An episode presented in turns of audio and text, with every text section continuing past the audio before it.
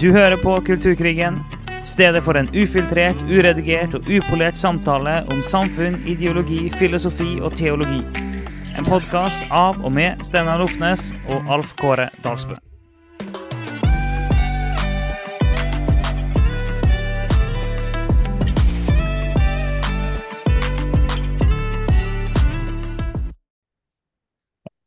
Ja, men vi gjør det. Så nå bare kjører vi i gang. Da kjører vi i gang. Velkommen, velkommen til Kulturkrigen. I dag skal vi snakke om Den norske kirke. Og eh, er det virkelig sånn at eh, alle porter nå er åpne for nesten hva som helst i Den norske kirke? Det, for oss kan det jo nesten virke sånn. Det har kommet noen eh, saker i de kristne mediene siste uken som vi skal se litt grann på og kommentere. Ja, og for eh, trofaste lyttere i denne podkasten her, så er det ingen overraskelse at eh, altså vi, det, vi, vi kan jo på en måte starte med konklusjonen først, nærmest, men vi tenker jo at Den norske kirke er langt på vei har utspilt sin rolle. Men vi skal reflektere litt rundt det likevel. og Poenget i med episoden her er jo ikke å, å bare hamre løs på Den norske kirke sånn sett, men vi vil likevel tenke litt eh, Prøve å reflektere litt høyt rundt både utviklingen som har vært, ting som har bare skjedd i år, og litt hva vi tenker videre rundt Den, norske kirke. Så vi får se da, hvordan vi Ja. klarer å, å lande eh, den episoden her. Vi, for, noen, eh, for noen episoder tilbake så var vi jo innom et innlegg fra Eller vi, det, det var det kom, Episoden tok, tok utgangspunkt i uttalelser fra Oslo-biskopen Kare Beiteberg, som eh, kom med en del eh, uttalelser. Det har hun jo riktignok gjort før òg, da, men eh, kom med en del uttalelser som var fra vårt ståsted veldig heftig av en biskop å si. Både Det handler om bibelsyn og det handler om å- å åpning for eh, at ekteskapet kan være veldig mye forskjellig. Det handler om å åpne egentlig helt opp for, eh, for at sex ikke nødvendigvis hører hjemme innenfor ekteskapet. Det har hun vært inne på flere ganger tidligere òg. Og, bare en sånn bok som hun skrev som skulle svare ut sånne spørsmål til unge ungdommer eller tenåringer, så eh, åpner hun veldig den døra òg. Men eh, hun er ikke den eneste i Den norske kirke som gjør det. Det er mange, både prester og biskoper, og snart egentlig omtrent alle biskopene, som åpner for det aller meste, egentlig, eh, i Den norske kirke. Det, det, det nærmer seg et nivå hvor det eneste det ikke åpnes for, det er å si at noen ting er synd. Det, vi, vi, vi har vel egentlig, omtrent kommet dit allerede. At det, ene, det eneste som ikke lenger er lov i norske kirke, det er å kalle noen ting synd. Det vil si, det finnes én synd, og det som de gjerne vil eh, dra fram, og det er jo da synden å fordømme andre. Som en eh, vil gjerne vil si at med en gang at noen sier at ting er synd, ja, da har en begått synden å fordømme andre. Det er litt sånn eh, situasjonen vi har kommet i. Så vi kan jo begynne med en sak. eh, Det var et, et, innlegg, et debattinnlegg i dagen, der eh, NLA-studenter skriver 'Har vi en framtid i Den norske kirke?' Eh, Og det var i, i liksom i, i lys av det Kari Beiteberg hadde sagt. Um, Ja, da må det sies Og- at hun hadde jo sagt eh, rett ut at eh, noe sånt som at det ville være veldig vanskelig for hun å ansette prester som ikke ville vie likekjønna. Så hun hadde sagt at, det kommer til å være vanskelig, på tross av at eh, Den norske kirke har to syn. Så eh, gikk hun veldig langt i å si at det ønska ikke hun å gjøre. ja, og vi må snakke litt eh, Vi har kanskje nevnt det før, men vi må snakke litt mer om dette konseptet to syn. eh, og Ja. eh, slippery slope og prinsippene i det. Jeg tror, jeg tror det er et poeng.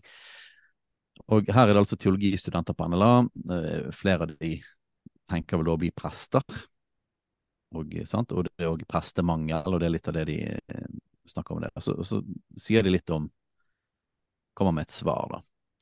Eh, Og, og disse står da for et klassisk konservativt syn. Og så går de inn i dette. Er det, er det rom for oss i Den norske kirke? Og eh, ja, altså, hva skal jeg si? Det er litt sånn Jeg, jeg, støtter jo på en måte disse studentenes jeg si, Det de står for, på en måte, da, i, i dette innlegget. Men så syns jeg jo det òg er litt sånn underlig, fordi at de siste 20-30 årene, i alle fall, altså definitivt langt eh, altså Allerede på 90-tallet så var det så tydelig hva vei Den norske kirke gikk. Ja, Um, at vi diskuterte jo for 20-30 år siden om liksom det var, var noen muligheter eller noe håp for en bibeltro konservativ side i Den norske kirke. mm. Og etter det så har det bare gått én vei, og det har gått raskere og raskere. Så det er litt underlig at folk som skriver her, der jeg, jeg vet hvem noen av de er, som rett og slett ikke engang var født, noen av de, når debattene rundt homofili i Den norske kirke var på 90-tallet. Mm. Um, for meg så blir det litt underlig og, og Går det an å si med, med stor støtte til disse folkene, samtidig klarer ikke jeg å komme utenom at dette er litt naivt, da. Eh, Kanskje de ikke er så naive, men, men hvis de prøver å bli prester i Den norske kirke, så eh, Nei, jeg forstår ikke helt den. For meg, for meg er det veldig forvirrende. For at Den norske kirke har gått denne veien så lenge. at, Det har vært så tydelig så lenge. ja, Ja, ja. jeg kan ikke skjønne liksom at noen som, som, som er bibeltro konservative, ønsker å være en del av Den norske kirke, enda mindre ønsker å være prest i Den norske kirke, eller til og med om du gjør det, tror at det vil faktisk være rom for det. Eh, å være en konservativ kristen prest. Eh, jeg, jeg klarer liksom ikke Så jeg ble, jeg ble veldig forvirret av hele greia. Så, og dette er jo på en måte ikke, Jeg ønsker ikke å si noe negativt til de som skrev innlegget, og jeg er jo enig i kritikken av norske kirke, men det, for meg så virker det som det mangler et, et forståelse av, av hel, hvordan hele kirke, norske kirke fungerer, og hvor, hva retningen har vært i så og så lang tid. Ja, og, det, og vi har lyst, lyst til å snakke litt om det, da, for vi opplever jo det at, at det, det, det Jevnlig så møter vi på, på folk som vi anser at mangler den forståelsen av hva som er den reelle situasjonen i Den norske kirke, hvor alvorlig det faktisk er, eh, og hva vi tenker om veien videre når det allerede har kommet så langt. Og la meg bare understreke veldig, veldig, veldig tydelig en gang for alle, vi snakker om institusjonen Den norske kirke. Det er det vi snakker om. Vi snakker selvfølgelig ikke om eh, enkeltpersoner og flotte medlemmer og gode menigheter og gode prester som fortsatt finnes i Den norske kirke. Det er klart det fortsatt finnes, det gjør det. Eh, og de enkeltmenighetene og de enkeltfolkene, helt topp, fine folk, flotte folk som elsker Jesus og gjør kjempemasse bra, det finnes fortsatt. Så jeg må la meg være helt krystallklar på det. Men ingen av de folkene her trenger Den norske kirke. Den norske kirke er en organisasjon. Det er en institusjon. Mens, vi, mens de folkene nå snakker om, er jo levende kristne og levende menigheter som fint kan holde det gående på egen hånd uten Den norske kirke. Sånn at det, det er institusjonen Den norske kirke, lederskapet i Den norske kirke, måten den er drevet på, eh, teologien som nå preger, det er det vi snakker om. Ikke enkeltfolk, enkeltmenigheter, enkeltprester osv. Så, videre. så vi har gjort det helt krystallklart. Så når vi videre snakker om Den norske kirke, så det er det vi snakker om. Ja, og så og jeg er helt enig med det, at det er institusjon, institusjonen vi snakker om, men til og med på det som har med levende menigheter og gode kristne i norsk kirke, så er det bare i disse, disse ti årene som jeg har på en måte vært bevisst av utvikling i Den norske kirke, så er det en helt klar uh, utvikling der òg. Det er færre og Ja, færre av de. Er Eh, og klart. de får mindre og mindre rom, og, og de har fått trøbbel, flere og flere av de. Og eh, jeg personlig kjenner tre prester som har eh, ja, halvveis fire, som har forskjellige grunner. Den ene som hadde kvinnefrestspørsmålet, eh, mens de tre andre handlet om både klassisk konservativ teologi, men òg at de, de var karismatiske. Eh, som hadde stor tro på Den norske kirke, var aktive, eh, var prester der de fikk lov til å gjøre en, ting, og jeg var litt sånn de hadde stor tro på at dette kom til å gå. og jeg bare sånn, vel, Dere er fantastiske, det er herlig det som skjer, men, men, men menighetsrådet det kommer til å bli trøbbel eh, pga. hele strukturen. Pga. at alle som er medlemmer av Den norske kirke, kan bli valgt inn i menighetsrådet. eh, Og pga. bispekontoret og hvordan systemet er i forhold til makten institusjonen rett over, rett over i hierarkiet har over, over hver enkelt menighet. Så ser det ikke som mulig at det går an å holde på særlig lenge. Å holde på med klassisk kristendom, eller til og med si, åndsfylt eh, karismatisk kristendom. Og alle folkene av disse jeg snakker om som kjenner, har fått trøbbel og blitt kastet ut og forlatt Den norske kirke etterpå. Ja. I tillegg til det kjenner jeg mange andre som har vært prester og som har vært og gått ut for lenge siden. Sånn, vi hadde min, eh, min pastor Rolf Lund Iversen i Kristkirken i, i, den tiden jeg var med i Kristkirken på 90-tallet. Han var jo allerede måtte gå ut av Den norske kirke på den tiden. Eh, jeg husker ikke akkurat årstallet, av at han hadde praktisert nådegaver og sånne ting. Jeg kjenner så mange av disse folkene at vi snakker etter hvert titalls av folk som har prøvd å gjøre ting i Den norske kirke gjennom de siste ti årene, og, og det blir alltid trøbbel. Eh, så jeg har ingen tro på at det går an å gjøre noe som helst i lengden um, uten å få trøbbel i Den norske kirke. Og egentlig så har rommet bare blitt smalere og smalere og smalere. og smalere. Uh, sånn, at, sånn at nå til og med til og med det å, å tro at, at uh, bare en mann og en kvinne kan være gift, vil nå etter hvert sannsynligvis bli helt umulig uh, å kunne praktisere. Det vil mest sannsynlig bli, bli, helt umulig. Og det er, som jeg sa, det med, her med at det er det fine, fine folk i, Den norske kirke, men jeg er helt enig i det, det, du sier med at det vil være mindre og mindre rom for klassiske konservative kristne. Det er én ting. At det blir stadig mindre rom for det, og en vil få stadig mer trøbbel for det. Det er én ting. Det andre er jo at jeg tror en blir påvirka av å være der. Det er det andre. En ja. blir påvirka ja. av den teologiske utglidninga, som nå er veldig mye mer enn en teologisk utglidning. Vi må jo egentlig, uten å bli helt sånn eh, svovelpredikant, så må vi jo være ærlige på det at det er ikke lenger en teologisk utglidning det er snakk om. Det er et helt annet evangelium og en helt annen religion og en helt annen gud det er snakk om. Det er det som er realiteten. Så dermed, Og det blir en påvirka av så jeg, jeg, tror, jeg, tror, at det er destruktivt for en kristen å være med i Den norske kirke. Jeg tror faktisk at vi har kommet dit nå. Eh, og jeg tror at det, det, ikke er mulig å være der over tid uten å, enten uten å få trøbbel, eller at du blir påvirka veldig negativt. Er, det, det, jeg tror ikke det er mulig. Er, er, til, til dags dato så har jeg ikke sett noen som over tid har kunnet stått solid og godt i Norske kirke, og der deres liv med Gud har gått riktig vei. Jeg sier ikke at det ikke finnes, og i alle fall ikke med enkeltmennesker. Eh, men, har, eh, men eh, det, det, det, er litt annerledes med visse enkeltmennesker. Men jeg har ikke sett det med noen, noen andre omtrent. Eh, det er situasjonen, da. Og vi må, vi må, tørre å kunne snakke litt tydelig og klart om det. At det er realiteten. At Den norske kirke ikke lenger er Hva skal vi si? Ikke en, ikke en kristen kirke, i alle fall. Nei, hvis du, du har Hvis du bare tar strukturen av, av hvordan Den norske kirke fungerer, så er den på ene siden demokratisk. Det vil si at alle som er medlem, har stor innflytelse.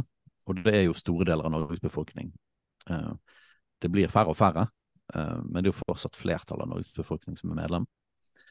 Eh, og så har du selve det, interne systemet, da, i forhold til biskoper og proster og på en måte altså, prostien og hvordan hele måte, hierarkiet fungerer. Da.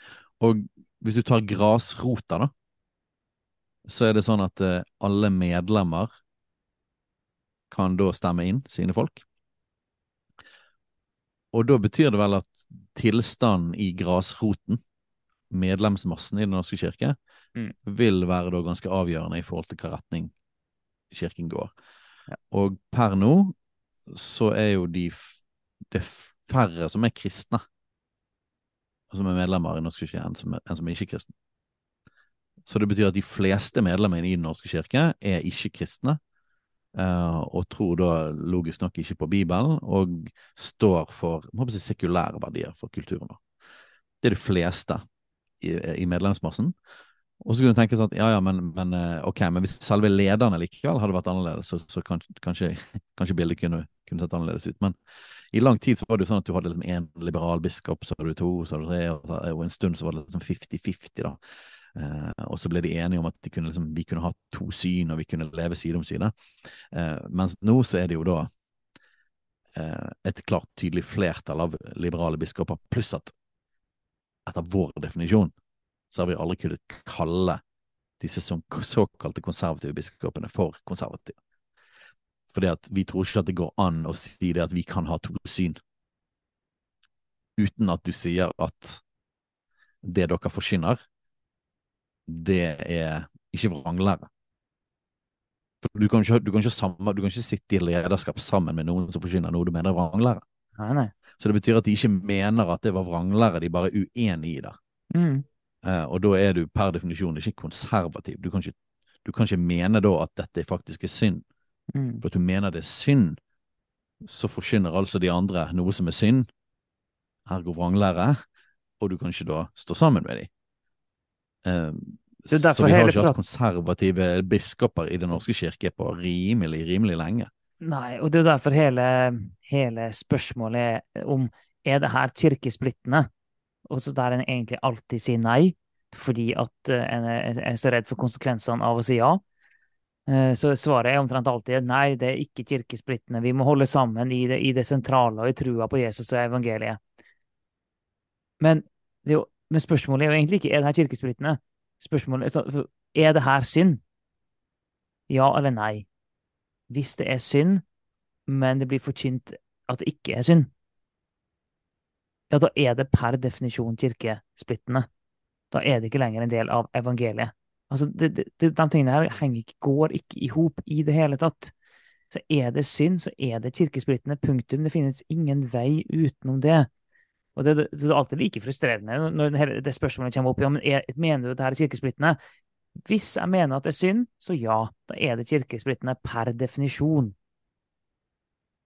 Ja, og la oss ta en liten sånn eh, rerun. Vi kastet oss rett inn i materien her, og, det kan være for noen ser på sånn ok, okay, dette er forvirrende, og, på en måte plassere og sånn. Ok, okay hva, hvorfor kaller vi dette vranglære?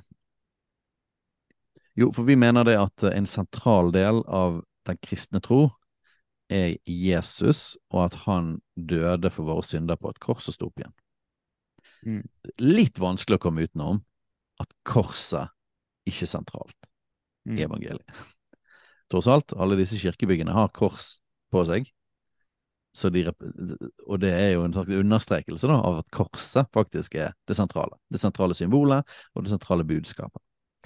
Så hvis man tror at korset er sentralt, så handler korset om at Jesus sonet vår synd.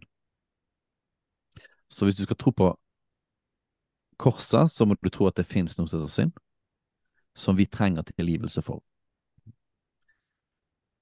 Og hvis du ikke tror at det finnes noe som heter synd, og at vi ikke trenger tilgivelse fordi Gud på generelt basis elsker alle mennesker. Vi tror at Gud elsker alle mennesker, men, men, du tror at det generelt Du trenger ikke å bekjenne din synd eller erkjenne din synd, omvende deg fra din synd for å få frelse, men du, du generelt, alle mennesker, på en måte er Guds barn fordi at Gud elsker oss, fordi vi er skapt av Han.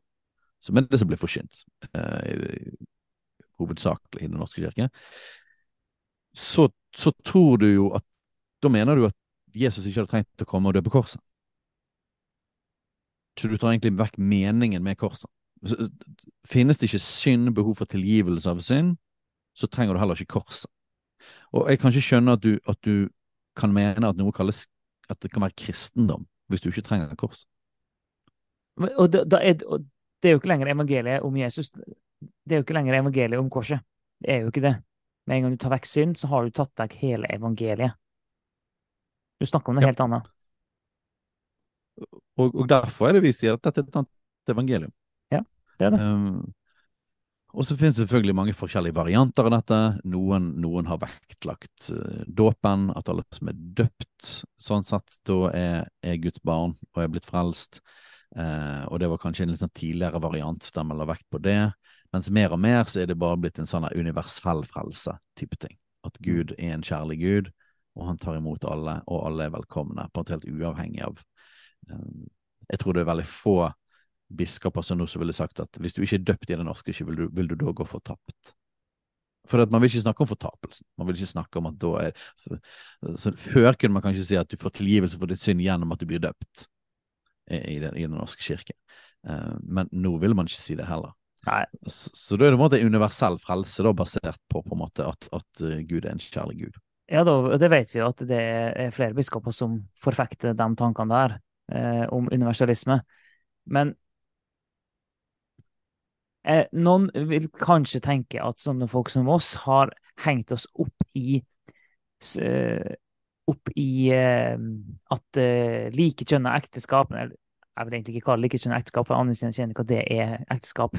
Eh, det, det, er noe annet, det er et partnerskap. Men likekjønna samliv noen vil kanskje tenke at vi har hengt oss opp i det, og at det er synd. Men det er ikke det som er greia. Vi har egentlig hengt oss opp i evangeliet. Vi har skikkelig, skikkelig, skikkelig oppheng i evangeliet. Vi er så hengt mm. opp, altså, i evangeliet at vi klarer ikke å komme oss bort ifra det. Så når denne tingen her kommer, og vi ser at det er folk som har lyst til å omdefinere hele evangeliet, omdefinere hele Jesu offer, hele korset og hele betydningen, hele hans kjærlighet til oss, hele oppstandelsen i praksis. Altså, det er da vi begynner å reagere på sånn Ei, ei, ei, ei, hva i all verden er det dere driver på med nå? Dere har lyst til å gjøre det her, og dere prøver å kalle dere kristne. Det her, er jo, er jo ikke evangeliet. Og Det er derfor vi reagerer. da. Det, så Det handler ikke bare om likekjønna samliv. Det handler om alle mulige ting. Så et mye viktigere spørsmål enn det er jo bare sånn Ja, men finnes synd? Altså, eller, sånn, ja, men, finnes det faktisk Har vi behov for frelse? Hvis vi skal gå enda lenger bak, sånn, Har vi behov for frelse? For Hvis vi ikke mm. har behov for frelse, så har vi ikke behov for evangeliet. Så sånn, ja. Trenger vi mennesker å bli frelst? Det er egentlig sånn eh, enda mer grunnleggende spørsmål. For Hvis en, hvis en tenker at en ikke trenger å bli frelst, så har en ikke en erkjennelse av sin egen eh, situasjon, og at en faktisk trenger Jesus. Og da er en naturligvis ikke en kristen lenger. Det sier seg egentlig helt sjøl, hvis en følger klassisk kristendom gjennom hele historien. Ja, det er det store spørsmålet. Trenger vi å bli frelst, og hvordan blir vi da frelst? Uh, og, og, da vil vi si at som, som evangelisk, klassisk evangelisk kristendom, så er det, det er gjennom tro og omvendelse. Mm. Uh, erkjennelse av sin synd og, og, behov for frelse, og tro på det Jesus gjorde på korset. At han døde for mine synder, og at jeg tar imot tilgivelse på grunn av at jeg, jeg, tror jeg trenger det. Eh, og jeg overgir mitt liv til han. Og, og så finnes det forskjellige varianter av hva, hvor man mener at dåpen i vannet i dette her, og eh, dåpen i Den hellige ånd. Og der kan det være teologiske uenigheter, men jeg vil likevel si det at, eh, at du kan være uenig i det, og likevel være enig i hvordan du blir frelst. Hva, hva er evangeliet for noe? Så, så hele den erkjennelse av synd, og tro på at Jesus døde for min synd, vende om til han, det er, det er, klassisk evangelisk kristendom, og det er det nå Den norske kirke har forlatt i over lang, lang tid. Ja, ja. Og likekjønnet ekteskap og de tingene der, det er symptomer på det. Ja, um, og når, når, biskopen i Oslo uh, snakker om på en måte at det er en slags fremmed tanke uh, at sex skulle være noe som bare er innenfor ekteskapet, uh, så på en måte er det bare et symptom på at du har mm. forlatt en, en kristen forståelse mm. av disse tingene. her. Og Det samme vil du se hvis, du, hvis vi går gjennom eh, presten og biskopene. Hva tror dere om fortapelsen? Uh, så både hvordan blir du frelst, finnes det fortapelse, finnes synd, uh, trenger vi å bli frelst? Alle disse tingene her er veldig veldig sentrale spørsmål. Og når det kommer til disse forskjellige, ja, forskjellige tingene om seksualitet, og sånn, så er det egentlig bare symptomer på en kjerneting. Så vi vil si det at ja, det finnes mange kristne folk i Den norske kirke på samme måte som det finnes masse kristne folk i den katolske kirke. Mm. Eh, men jeg vil si at den offisielle læreren og ledelsen både for den katolske kirke og den norske kirke er vranglære. Det er ubibelsk. Eh, det er ikke et sant evangelium. Og Paulus han hadde skrevet et brev imot det, hvis han hadde levd i dag. Men I stedet så kan vi heller si noe på vår podkast om det. Eh, så, så, så, så, hvorfor, det som forundrer meg, da, er, er hvorfor Hvorfor er er det så vanskelig for en del folk å på en måte ta dette inn over seg. Gode kristne folk som, som, Og jeg tror nok det handler om at man er, man er kanskje glad i, i kirken. Man har, man har, kanskje opplevd Gud, man har opplevd mye godt. Um, noen ble kanskje frelst, kanskje konfirmasjonsopplegg, uh, eller koret man var med i, eller et eller annet sånt har betydd mye for deg personlig, og da kjenner man seg knyttet til den institusjonen, til bygget der. Um, Kanskje man har en lokal, god leder, uh, eller en prest, eller et eller annet sånt som, som, som gjør at man har fortsatt tro på institusjonen.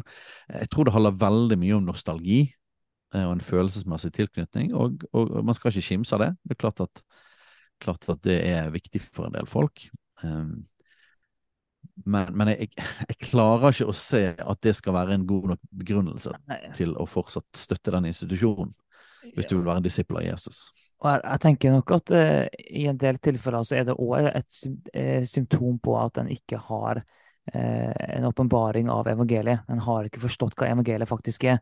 Og hvis en, hvis en har forstått hva evangeliet er, så vil en reagere når det kommer et annet evangelium. En vil reagere på det. Og da, og da blir det viktigere å bevare evangeliet enn det blir å bevare en organisasjon.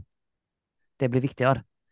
Um, og jeg tenker på det her med uh, hele saken med to syn, som mange har akseptert. Og tenkt at vi kan ha to syn om det her. Og så driver vi gjerne og sier at det, fordi at vi kan ha ulike syn på dåp, så kan vi ha ulike syn på det her.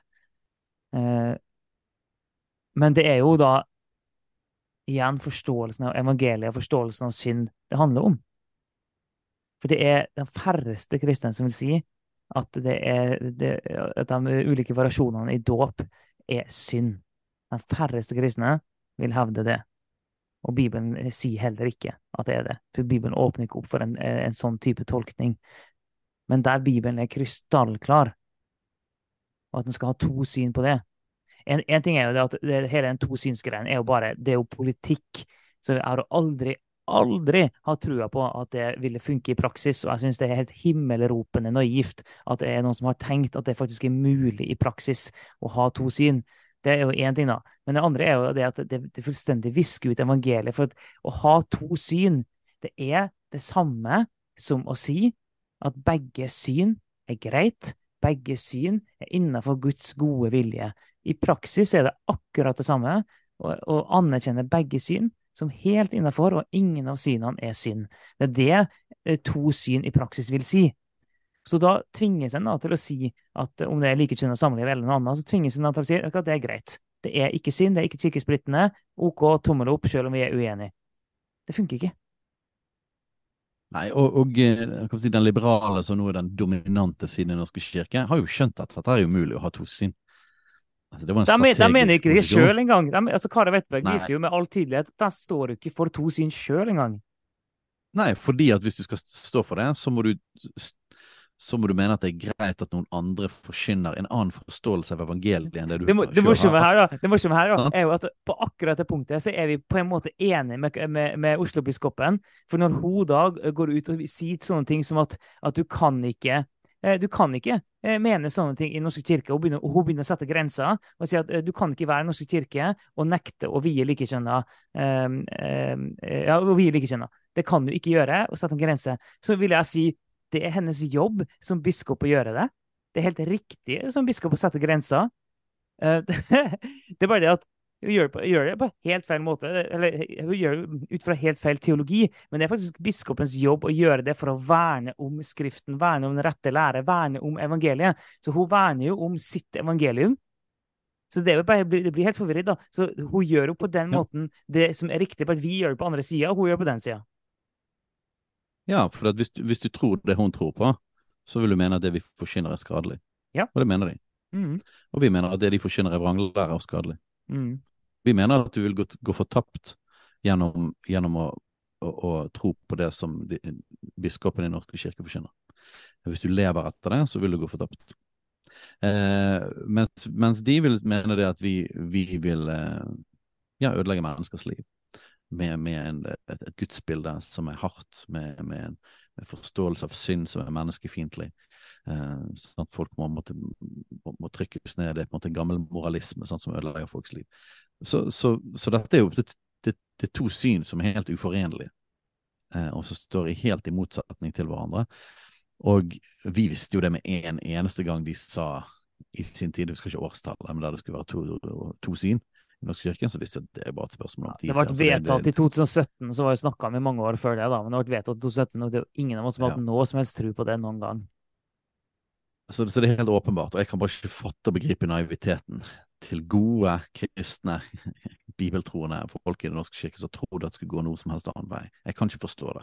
Og, og eh, nå skal ikke jeg si det at jeg, jeg har en åpenhet for at, for Gud, på tross av at dette er en institusjon som er, som er fullstendig oppspist fra innsiden, eh, så, så, skal jeg være åpen for at Gud likevel kan kalle mennesker i spesifikke tilfeller til å være innenfor der, fordi at, fordi at du kan tross alt berøre noen mennesker. Sant? Du har noen ungdommer der i dette konfirmasjonsarbeidet som du kan gi evangeliet. Sant?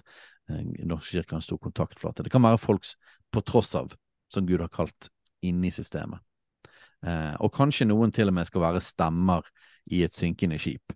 Eh, og jeg skal ikke utelukke at, at, at, det, at, det kan, at, Gud kan ha behag i det på forskjellige måter. Mm. Men det jeg ikke kan forstå, og som jeg ikke tenker er greit for en kristen, det er hvis du Det å være blind, det er ikke greit. Nei. Eh, du bør få en forståelse av alvorligheten i disse tingene når lederskapet hva var det Jesus sa om en som forførte en av disse minste? Det var bedre at de fikk en kvernstein rundt halsen og ble kastet i havet. Eh, Jesus sjøl er veldig, veldig, seriøs i forhold til forførelse av anglere. Det er så alvorlig, akkurat det der. Ja. Og, og eh, sant, Paulus sier ikke mange av dere eh, skulle ville bli lærere, for de skal bli så mye hardere dømt. Mm. Så, så, og det står anskrifter i forhold til ansvaret en leder i en menighet har for livene til de folkene i menigheten. Mm. Så, så, det, så, det, er en ganske alvorlig ting. Hvis man ikke skjønner alvoret i at lederskapet i Den norske kirke forkynner et annet evangelium, eh, ja, så, så tror jeg man må våkne opp. Og den andre tingen er nostalgien, som jeg tror er en veldig, veldig, veldig kraftig ting. Um, det er en veldig menneskelig ting. Det er, det samme mekanismene som at man er knyttet til sitt eget språk og sin egen kultur, og rømmegrøt og tradisjoner på julaften og eh, tradisjoner på 17. mai og sånne ting. Disse tingene er veldig, veldig sterke. Det har vært mange kriger i verdenshistorien som går på en måte, på en måte sånn tilhørighet og kultur og, og sånne type ting. Så, så, man skal ikke på en måte latterliggjøre det. Eh, men jeg vil si at som kristne har vi likevel en forpliktelse til at vi tilhører et et annet rike, et annet land. Eh, og eh, vi tilhører en menighet der Jesus Kristus er hodet over menigheten. Og, og vi kan ikke ha verken si, nasjonal eller kulturell eller på en måte så mye nostalgi og følelsesmessig tilkobling til et kirkesamfunn at vi heller holder fast på det enn å, enn å følge evangeliet. Eh, da er det faktisk sånn at man bør våkne opp og vende om. Og har, kjenner godt presten i sentralkirken i Metodistkirke i Bergen nå, som det har de akkurat hatt en avstemning i forhold til dette her med hva vei de skal gå. Mm -hmm. Til konservativ og liberalt hold, og, og, han har nå sagt opp dette det er en offentlig sak har vært i både Dagen og Vårt Land. Han kommer til å slutte til jul fordi at Metodistkirken i Bergen ikke på en måte vil bryte ut av kirkesamfunnet. Mm.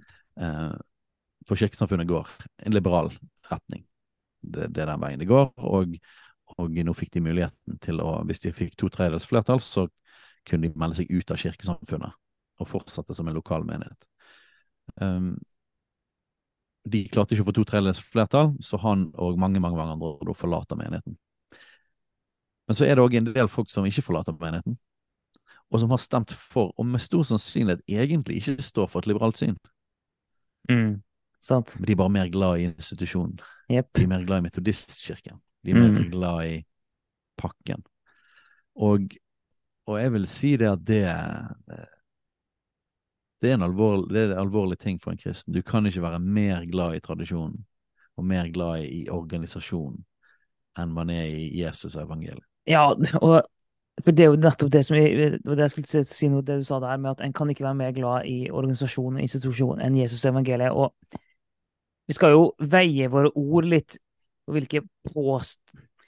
Skal på en måte være, være så Vil ikke være for hard mot de folkene her heller, på en måte.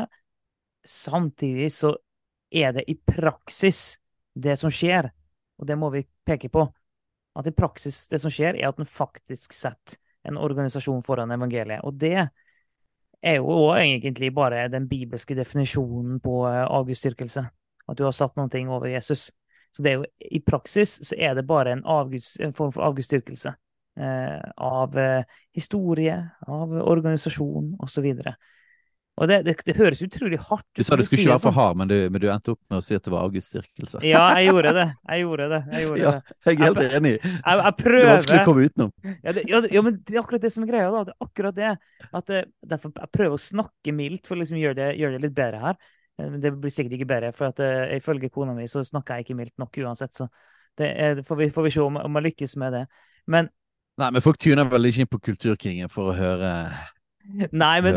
Men vi tror faktisk at det er viktig å snakke om disse tingene. For det er nesten, som, det er nesten et slags tabuområde, vil jeg si, Ja. i kristenheten. Der vi frikirkelige på en måte litt sånn ja, Vi støtter ikke Den norske kirke, men vi snakker ikke så mye om det, og vi sier ikke så, så mye høyt om det og sånne ting. At, men jeg bare sånn, vet du hva, jeg, jeg er lei av det. Jeg tror ikke det er riktig. Jeg, jeg, det er en respekt for noe som vi skal være Ja. forsiktige, altså at det ikke veier over til å være mer respekt for institusjoner og folks følelser og tradisjoner enn det har med en, en respekt for Guds ord for evangeliet. Fordi at Den norske kirke er nå De har fortsatt så mye innflytelse. Eh, og oppfører seg òg, biskoper. Sant? Hvis noen eh, Hvis en eller annen slags eh, helbredelsespredikant eksempel har noen møter et eller annet sted, så rykker jo ofte presten ut. Jeg skal, jeg skal si det, Du kan gå gjennom eh, vekkelseshistorie i Norge, og så kan du se at eh, det er det er veldig få tilfeller der ikke Den norske kirke har gått imot det Gud har gjort. Mm. Altså, Presten og biskopene pleier alltid å gå imot det Den hellige ånd gjør. Eh, nå eh, hører jeg ekkoene fra, fra Stefanus sin tale. Mm. Alltid står dere Den hellige ånd imot. Eh, og jeg syns at det beskriver godt Den norske kirke. Den norske kirke ble ikke født i Norge ut av vekkelse. Gud har gjort masse ting Ja. gjennom Den norske kirke. ja. Um, og, og, og mange har nok blitt, blitt kristne pga. Den norske kirken, så det er absolutt det, det er riktig. Men, men det ble født ut av en politisk beslutning av reformasjonen traff uh, oppover i lenger og lenger nordover, og den danske kongen bestemte seg for at uh, vi, vi, blir uh, lutheranere.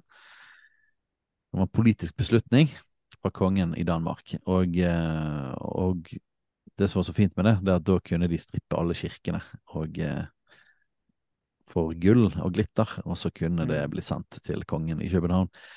Um, det var nok en meget pragmatisk og politisk grunn til at det, som nå er Den norske kirke, ble skapt. Sant? Det som var den katolske kirke før, da, så ble det Den norske lutherske kirken. og det er, ikke, det er ikke en historie av vekkelse, det er hovedsakelig en historie av en statsinstitusjon.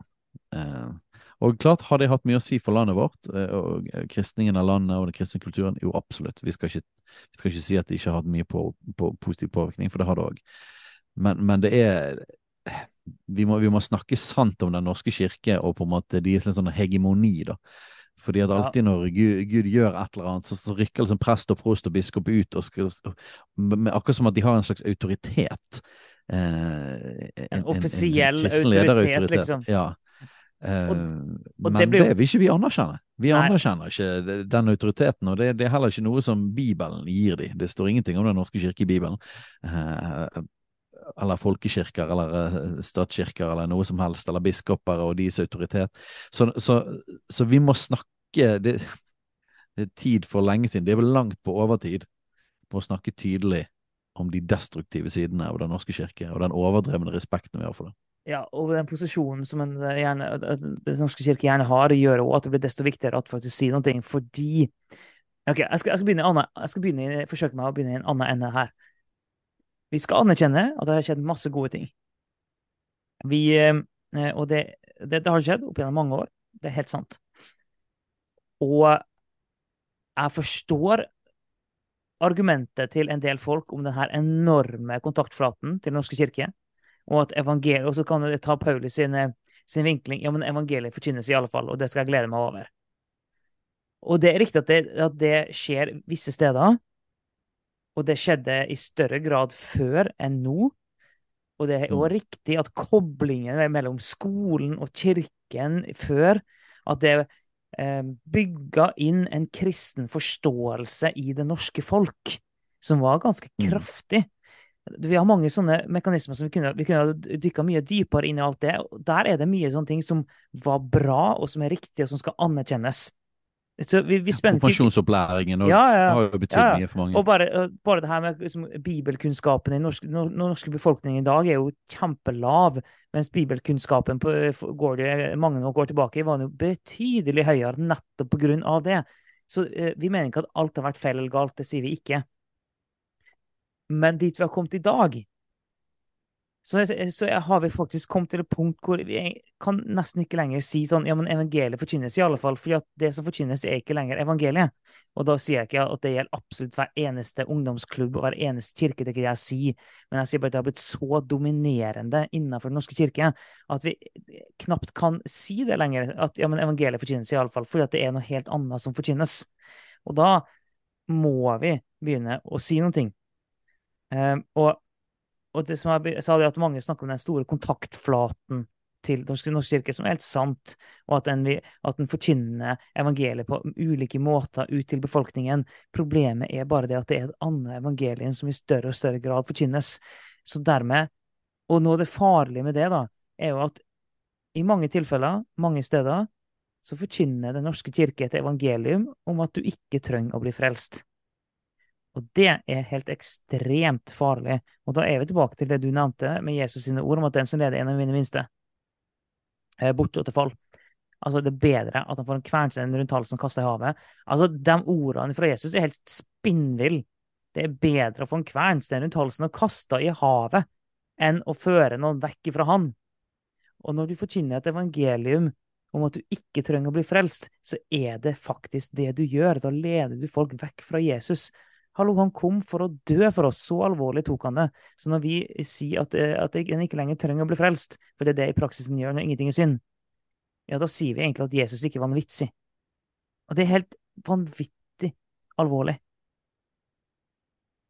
Så våre venner i de lutherske sammenhengene, jeg sjøl vokste opp i BDUs indrevisjonssammenheng, um, der er det òg sånn, Det har jo vært en, en økende måte litt sånn, kan si løsrivelse fra Den norske kirke. Det har vært en sånn uforståelig kobling mellom Indremisjonsforbundet, Nordmisjonen, eh, Misjonssambandet til Den norske kirke. De har vært liksom i kirken, men ikke i kirken eller under. og liksom, Det har vært sånn underlig greie som ingen helt har forstått.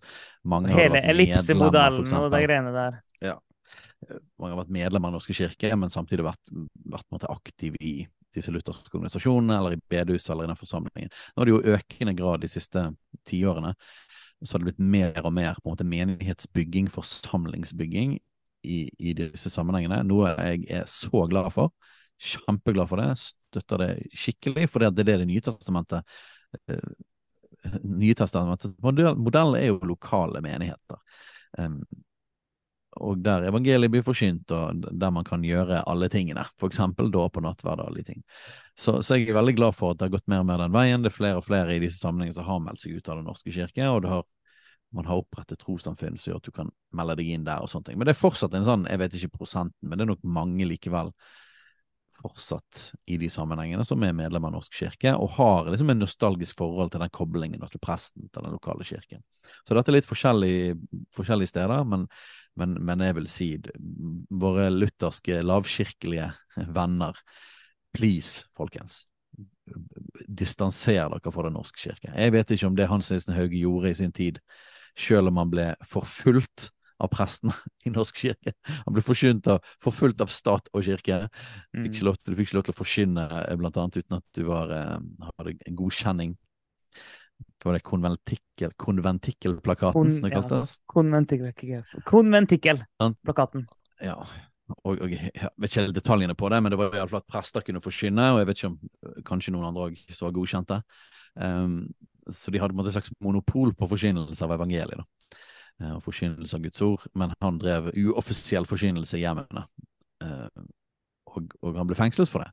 Av en eller annen grunn likevel så ble den vekkelsesbevegelsen som, som han startet Han ville at han skulle være inni eller koblet til Den norske kirke. Så han anerkjente liksom systemet likevel.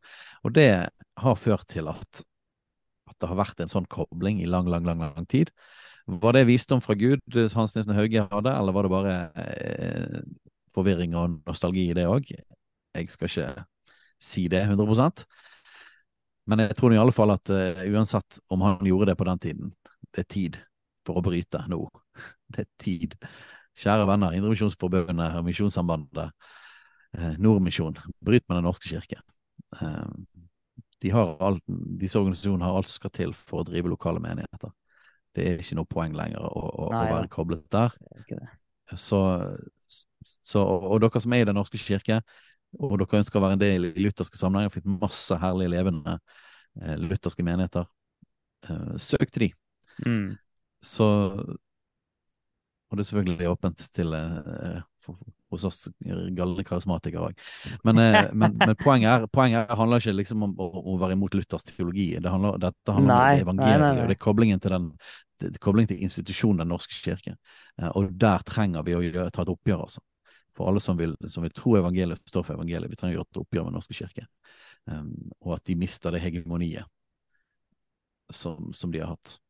Ja, de, ikke, de, ikke de har vært i, opp, i historien. Så historisk har de vært eh, representativ, men det er ganske lenge siden at Norske kirke var representativ for kristne i Norge.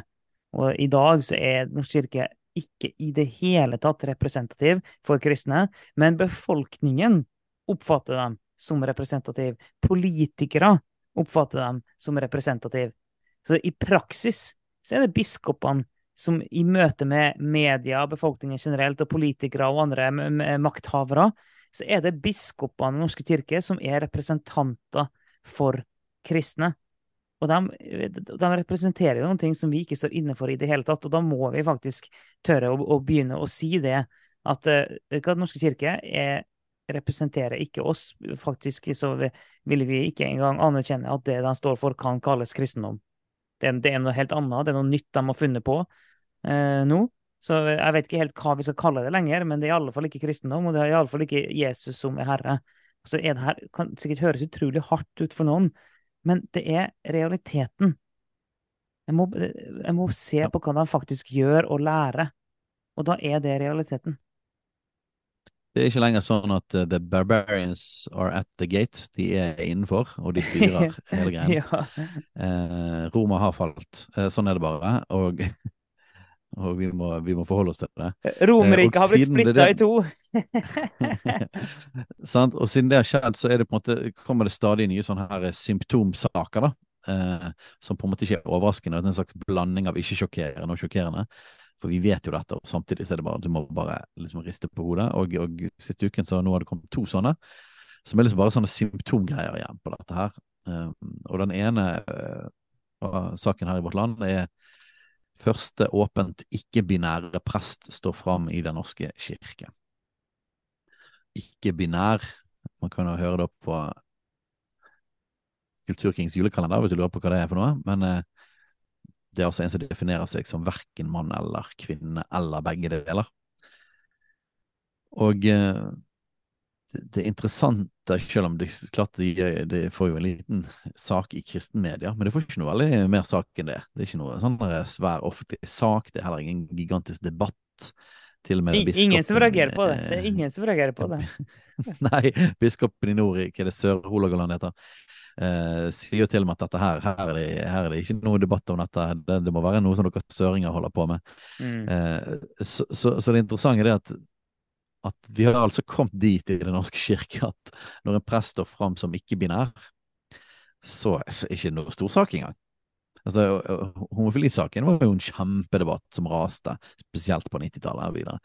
Uh, og, og, og, de første på en måte homofilt samlevende prestene og sånne ting. Da var det fortsatt kontroversielt, og det var stor debatt om det. Men etter dette, denne fraksjonen i kirken har blitt totalt dominerende, så, så kommer det flere og flere sånne litt sånn absurde greier som rett og slett nesten ikke får motstand engang. Så, ja. Og det, det, kan være at uh, noen som hører på, tenker at men hva er problemet med at noen identifiserer seg som ikke-binær og kommer ut med det? Altså, Er det virkelig egentlig noe problematisk? Og nå i, i denne podkasten her, så forholder vi oss hovedsakelig på, på det prinsipielle planet. Vi går ikke langt inn i det følelsesmessige. Eh, det er ikke det vi snakker om. Det, eh, så hvis vi holder oss på det prinsipielle, da. Vi kan anerkjenne at en person her føler det den, det den, føler. Det kan vi fullt ut anerkjenne. At det er ekte følelser i sving. Og Så kan det være mange ulike årsaker til det, men at, at personen opplever det sånn, det kan vi anerkjenne. Så poenget er ikke å si at personen ikke opplever det sånn, men som kristen så har vi egentlig ikke noe annet valg enn å forholde oss til og akseptere og omfavne det som Gud har gitt oss. Det som vi snakka om i det forrige episode, at, at, eh, at, potten kan ikke si til pottemakeren 'Hvorfor laga du meg sånn?' Som Paulus skriver om romerbrevet. Altså, vi som er skapt, kan ikke si til skaperen 'Hvorfor laga du meg sånn?' Du må gjøre noe annet. Du må skape meg annerledes. Det er ikke en ting som vi som er skapt, kan si til skaperen. Vi som er skapt, kan kun forholde oss til skaperen. Vi kan kun forholde oss til det han har skapt. Til og med når det er vanskelig, til og med når vi ikke forstår, så har vi ikke noe annet valg enn å forholde oss til det han har skapt. Og tilliten til han, og overgivelsen til han som herre, innebærer at vi aksepterer den han har skapt oss som. Så dermed er det faktisk ganske problematisk for en kristen å si jeg er ikke mann eller kvinne, eller jeg er begge deler. For det du da sier, er at skaperen Altså, jeg vil ikke forholde meg til skaperen. Jeg vil ikke forholde meg til det han har skapt. Og det han, det han gjorde, var feil. Han har skapt meg feil. Han har gjort noe annet. Han må gjøre det her annerledes. Eller han er ikke god, jeg stoler ikke på han, osv. Derfor er det problematisk fra et kristent perspektiv å, eh, omfavne Jeg sier ikke at det ja, og Det kan være mange ulike grunner til at en føler det en føler, men det å omfavne det aktivt på den måten er faktisk problematisk. Og så vil jo gjerne, vil den sikkert si, den pressen her vil sikkert si det at men Gud har skapt meg med følelsene mine. Så det er det som, derfor kan jeg si det. Men jeg tror alle egentlig vet at det kan umulig være sånn at Gud har skapt oss med alle våre følelser, for vi kan føle absolutt alt mulig. Så det tror jeg egentlig ingen tror på. For vi kan føle absolutt alt mulig. Og vi er jo tilbake igjen til eh, bibelverset som vi sisterer stadig vekk, og det er at Gud skapte dem til mann og kvinne. Så dette er en sånn fundamental ting av hvordan vi forstår verden og skapelsen, og fundamentet for hvordan vi tenker ekteskap og familie. Og, derfor, og, og vi vet jo at hele denne her eh, utviskingen av kjønn er jo, er jo en sentral del av kulturkrigen. Sant? Først både da kjønnsroller, vi var jo borti dette i forrige episode, men så også på en måte seksualiteten. Skal seksualiteten bare være mellom en mann og kvinne, eller kan du ha eh, sex med samme kjønn, og så etter hvert selve kjønnsidentiteten i seg sjøl. Så dette er en sånn sentral kulturkrigsgreie, og, og, det er jo Judith Butler og postmodernismen, eh, queer theory, hele denne greien kommer fra. Så, så klart syns vi det er problematisk at det er prester, kristne ledere, som forfekter en sånn forståelse av identitet og kjønnsidentitet. Så Og vi alle så, vet at vi forkynner med livene våre. Sant? Og alle som, har, alle som har barn, vet at barn ser på det du gjør, ikke det du sier. Eh, men det gjelder ikke bare barn, det gjelder alle ledere i alle settinger. Alle ser på det som lederen faktisk gjør, ikke det lederen faktisk sier. Det er det en ser på. Forbildeeffekten handler ikke om hva en person sier, det handler om hva en person gjør, og hvordan den framstår, og hvem den er i sin karakter. Sånn det, er det, det, det, det som Forbildeeffekten ligger i det. Så det å da gå ut eh, og være, og i praksis forkynne med den du er, noen ting som er imot Guds ord, så er det selvfølgelig problematisk at en kristen leder går imot Guds ord og Guds skaperverk. Det er derfor det ikke er bare en sånn Nei, men eh, vi, eh, vi kan eh, Folk må få, lov til å leve litt som de vil, og identifisere seg sånn som de vil. Nei, men som kristne så må vi faktisk identifisere oss med det Gud har skapt oss som. Det er faktisk det vi må. Gud har skapt meg i sitt bilde. Altså, det, er, det er litt sånn alvorlige ting, egentlig. Gud har skapt oss i sitt bilde, med en hensikt. Nøye, nøye planlagt har Gud skapt oss. Helt ned i detaljene, med stor kjærlighet, så har Gud skapt oss. Det, det skal vi ikke kimse av. Det kan ikke vi gjøre om på. Det er ikke en rett vi har som kristne. Så det, det, det, er, mange, det er, mange, ting som er problematisk med det. Så ser jeg jo at Vårt Land er sånn konsekvent i artikkelen bruker 'hen'. Altså, det er jo på en måte sånn kjønnsnøytralt benevnelse. Så, så, det signaliserer jo òg tydelig noe. Sant? Det signaliserer vårt land òg tydelig hvor man står, og hvordan man forholder seg til dette. Eh, jeg skal ikke gå for mye inn i det, men det står en litt sånn koselig, morsom greie om sant, at dette er blitt litt overveldende for personen på oppmerksomheten, jeg forstår det, men så, så nevner personen at han har vært på dyrlegen med katten. Nok en gang, koselig og hyggelig, det. Og så spør journalisten hva er galt med katten. Så sier denne personen, da, som er ikke-binær, hun har fått seg et sår. Og det er en sånn det, det er virkelig ikke for å uthenge denne personen, men det er for å på en måte bare pinpointe litt hele denne kjønnsideologien. Med en gang vi snakker om et dyr, så sier vi hund med en gang. Så dette var en hund, altså en katt av hannkjønn. Nei, hunnkjønn. Av hunnkjønn, ja. Ja, og hvorfor kan man si det? Man har ikke spurt katten. Man har ikke gått inn i kjønns... Altså den, den, den personlige kjønnsidentiteten til katten. Man tar altså et utgangspunkt da i biologien. Biologien til katten. Mm. Ja.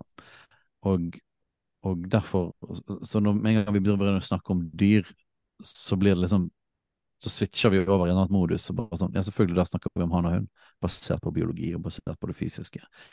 Og, og det blir på en måte bare et eksempel på, på en litt sånn absurd greie av Er det annerledes i hvordan vi forstår kjønn på mennesker og resten av skaperverket? Mm. Uh, er det plutselig sånn at vi tar utgangspunkt i vår, vår, vår indre opplevelse istedenfor biologien? Eller blir det feilskjønning av katten? Uh, og, og, så jeg bare nevner det som en litt sånn her Det er noe inkonsekvent i hele måten man forholder seg til denne greien på, og, og nok en gang, det er en sånn postmoderne måte å tenke på. At uh, et, jeg tar utgangspunkt Jeg skaper med min egen identitet, min egen virkelighet. Um, ja. Ja, og, og det, det, som du sier, det målet er ikke å, å, henge ut personene, selv om vi syns det der er et litt sånn absurd utslag. Um, men det er likevel det er, det er, et bilde på en tenkemåte. Det er det. Og at en i de aller, aller fleste sammenhenger så vil en forholde seg til biologiske realiteter, eller faktiske realiteter. Det trenger ikke bare være biologi, men en forholder seg til faktiske realiteter, da. Eh, du kan på en måte si materialistiske eh, realiteter som en vil forholde seg til fysiske realiteter. Så det gjør en i dyreriket, og, og eh, så å si 100 vil forholde seg til sine kjæledyr som at de er kjønna. Det vil egentlig alle gjøre, omtrent. Man tar utgangspunkt i det. Men en gjør det òg. En tar utgangspunkt i om en katt har, eller om et dyr har den og den øyefargen, eller den, den Eh, pelsen, og, og, om et dyr er den og den rasen, osv., osv. Eh, hvis, eh, hvor ofte har det ikke vært sånn at du, det er en person som møter en annen person, og så forteller personen ja, jeg har en hund. Å ja, hva slags hund har du? Ja, da sier han jo den reelle rasen på hunden. Og en sier gjerne det faktiske kjønnet på hunden. Han forholder seg til en realitet. Eller, og, sånt, og det samme er jo egentlig bare når vi møter mennesker òg, så forholder vi oss til om et menneske er, har eh, Poenget mitt er ikke at en nødvendigvis legger vekt på det, men vi, vi legger merke til det. Er personen lys i huden, eller er personen mørk i huden? Det betyr ikke at vi, vi gjør en gradering, men vi ser det. Sant? Vi, og, og, vi prøver ikke da, det, det, er ingen som kommer til meg og prøver å si til meg at du er svart. Det, og jeg går heller ikke rundt og prøver å si jeg er svart. Det er ikke sånn vi driver på. Med unntak av når det gjelder plutselig vårt eget liv og våre egne følelser. Da har vi av en eller annen grunn begynt å tenke at vi sjøl kan bestemme. Og det er jo som du sier, det er jo postmodernismen som har fått lov til å endre hele vår tankemåte. Jeg tenker vi skal begynne å gå inn for landing, men vi skal bare nevne en siste litt sånn absurd sak. Eh, som òg var kommet i vårt land, eh, og det var at flere prester tviler på Gud, og dette sier de om rollen sin. Så her er det en som har møtt seks prester i Den norske kirke, som er usikre på om Gud faktisk eksisterer eller er lavmektig, eller om språk egentlig kan si noe sant om Gud, apropos postmodernismen. Um, så og, så her handler det om å være ikke-teist og litt forskjellig. og Jeg, jeg tenker liksom ikke vi skal gå veldig dypt inn i hele den, men Men jeg vil bare si at det er så lite overraskende igjen at sånne type ting kommer. For når du fjerner deg fra rammene, når du fjerner deg fra evangeliet, så kan du òg etter hvert få du prester som ikke engang tror på Gud. Eh, bare at man ikke tror på evangeliet, men etter hvert kanskje ikke tror på Gud engang. Eller definisjonen av hva Gud er for noen ting. Ja, han ene sier, Her sier eh, flere av de at de tror jeg de er gode prester for tvilere, så det, det er jo hyggelig. Men spørsmålet er det egentlig oppgaven. Eh, men det jeg ville ta fram, det var eh, biskopen i Bjørgvin, som da har tilsyn med disse prestene, og så spør journalisten litt om liksom, hvordan forholder du deg til dette her. Um, og her er det jo generelt mye, mye rom for mye, selvfølgelig. Det er liksom den generelle måten man, man, møter ting på i Den norske kirke, at det skal være rom for omtrent det meste. Med mindre man er konservativ, da. Eller karismatiker. Det, da er det ikke så rom for så mye. Og så sies det her på slutten Kan man være prest i Den norske kirke og ikke tro på Gud? Og da sier nå er det en annen biskop her, biskopen i Borg, Kari Mangrud Alsvåg. Da vil mitt motspørsmål være hva er det å ikke tro på Gud? Hvilken Gud snakker vi om? Og hvilket gudsbilde er det man ikke tror på? Borgbiskopen påpeker at det ikke er graden av eller kvaliteten på prestens tro som avgjør om sakramentene og ordet virker. Så her ser du på en måte at signalet igjen fra biskopene da, inn mot prester som ikke tror på Gud, eller en annen forståelse av hvem Gud er og sånne ting, er at det, ja, det er ikke så problematisk, egentlig. Um, det har egentlig ganske lite å si, er konklusjonen. Så det er jo bare liksom siste nytt fra Den norske kirke her, da. Ja, og bare for å yte liksom full rettferdighet til ehm, eh, ja, Full rettferdighet var, litt, var litt kraftig å si, jeg skal ikke påstå at vi klarer det. Eh, eh, men bare for å yte så mye rettferdighet vi klarer på sparket til uttalelsen til den biskopen Hvilken gud er vi snakker om, hvilket gudsbilder er det man ikke tror på? Vi er, vi er, helt klar over at vi alle sammen kan ha gudsbilder som ikke stemmer overens med det som Bibelen viser oss, og det påvirker våre liv, og at det må endres. Det er vi helt med på. Men det er, det, det er ikke helt det vi snakker om her. Og det her er en sånn gjennomgående holdning i Den norske kirke. At, det, at, er, at en, i praksis kan en omtrent eh, skape sin egen gud. Og en bestemmer sjøl hva slags type gud en vil tro på. Det er gjerne det som er greia. Og det, som, det åpnes langt på vei opp igjen og igjen og igjen på ulike måter for at en kan tro på den guden en vil. Så for å liksom eh, konkludere, da. Vi svarte jo på spørsmålet i starten, men hvis vi, tar spørsmålet igjen på slutten, er det håp for Den norske kirke? Så tror jeg at vi er ganske rungende fra Kulturkringa si. nei, det er ikke det. Det er ikke håp for Den norske kirke. Og eh, det, det, kommer til å bli verre og verre i tiden som er fremover, og mer og mer absurde saker. Og jeg sier løp for livet. Kom dere ut av Den norske kirke. Det er sånn eh, hvis et skip er, på vei til å synke, så hopper du i livbåten, kjenner deg langt vekk for å ikke bli, bli med i dragsuget. Hvis et hus brenner, så springer du løpende ut derfra med en eneste gang. Og ja, eh, mener vi det med Den norske kirke? Ja, vi gjør faktisk det. Eh, finnes det håp? I menneskelige øyne absolutt ikke.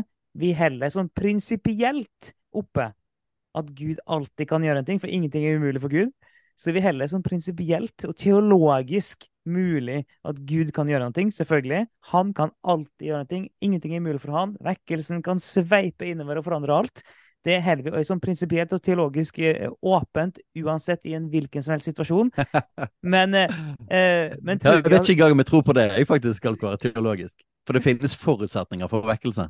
Eh, ja. Jeg tror ikke at Gud kan bare gjøre hva som helst i alle institusjoner, i alle sammenhenger. Det trengs, Nei, og, og det, trengs, det, er, det, er, forutsetninger for vekkelse nå. Ja, det er riktig. Det er riktig. Uh, og da, da, er vi over både på eh, vantro og Nasaret, og vi er over på forherdelse av hjertet og en del ulike sånne ting som er en egen episode for seg sjøl. Og det, det er, jeg er for så vidt enig med deg i det. Eh, men da har vi iallfall gjort det tydelig på at vi tror at Gud kan gjøre ting. Ja. Men vi tror faktisk ikke at han kommer til å gjøre det i eller gjennom Den norske kirke. Det tror vi ikke. Men vi kan si noe positivt på slutten. Til at evangeliet, det går fram med stor kraft. Og det er masse håp for Norge, og det er masse håp for Guds menighet ja. i Norge. Eh, så her trenger vi ikke være redd. Flykt fra institusjonen norske kirke, Men, men, eh, men, slå deg sammen med, med Guds menighet og forsyn evangeliet, og la oss utbre det. For der er det masse, masse håp, og det er vekst. Og det ser vi over hele verden. Så, så, så her kommer vi med et eh, kontant advarsel, og samtidig med et, med et uh, budskap av håp. Det er altså bare Den norske kirke som går nedover, ikke Guds rike. Nei, absolutt ikke. Ikke Guds rike. Evangeliet er på frammarsj. Evangeliet vokser.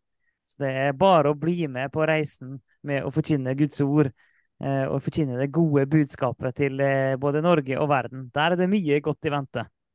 Så hva vi skal kalle denne episoden her, det er jeg foreløpig litt usikker på. Det er litt sånn eh, Kom deg ut og brenn huset. Har du håp for Norske kirke? Det hadde vært gøy. Så, så, vær så god. Vi, vi, slår til igjen om du følte at du var, ikke kunne bli støtt lenger fordi du har hørt så mye på Kulturkrigen. Så kanskje vi har klart å støtte deg i dag. Vi, eh, vi holder mørkemann-stempelet vårt eh, fortsatt høyt. Vil vi det? OK, vi sier sånn. Så høres vi neste uke.